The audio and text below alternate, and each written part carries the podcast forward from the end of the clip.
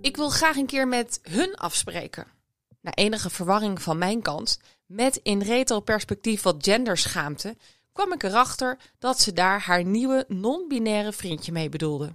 Ik was verbaasd over het gemak waarmee mijn dochter deze nieuwe taal gebruikte. Echt, daar kunnen wij nog wat van leren.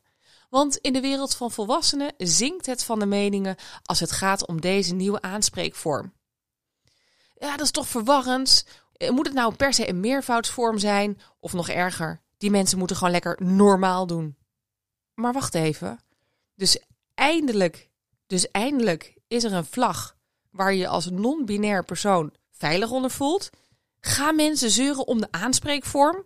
Want het is allemaal zo lastig? Really? Ga jij nou zitten zeuren omdat jij je moet aanpassen?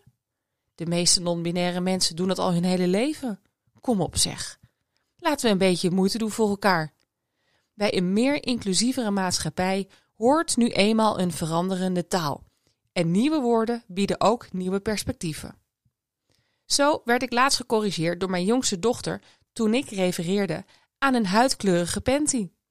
Nee, mam, dat is misschien wel jouw huidskleur, maar niet die van iedereen.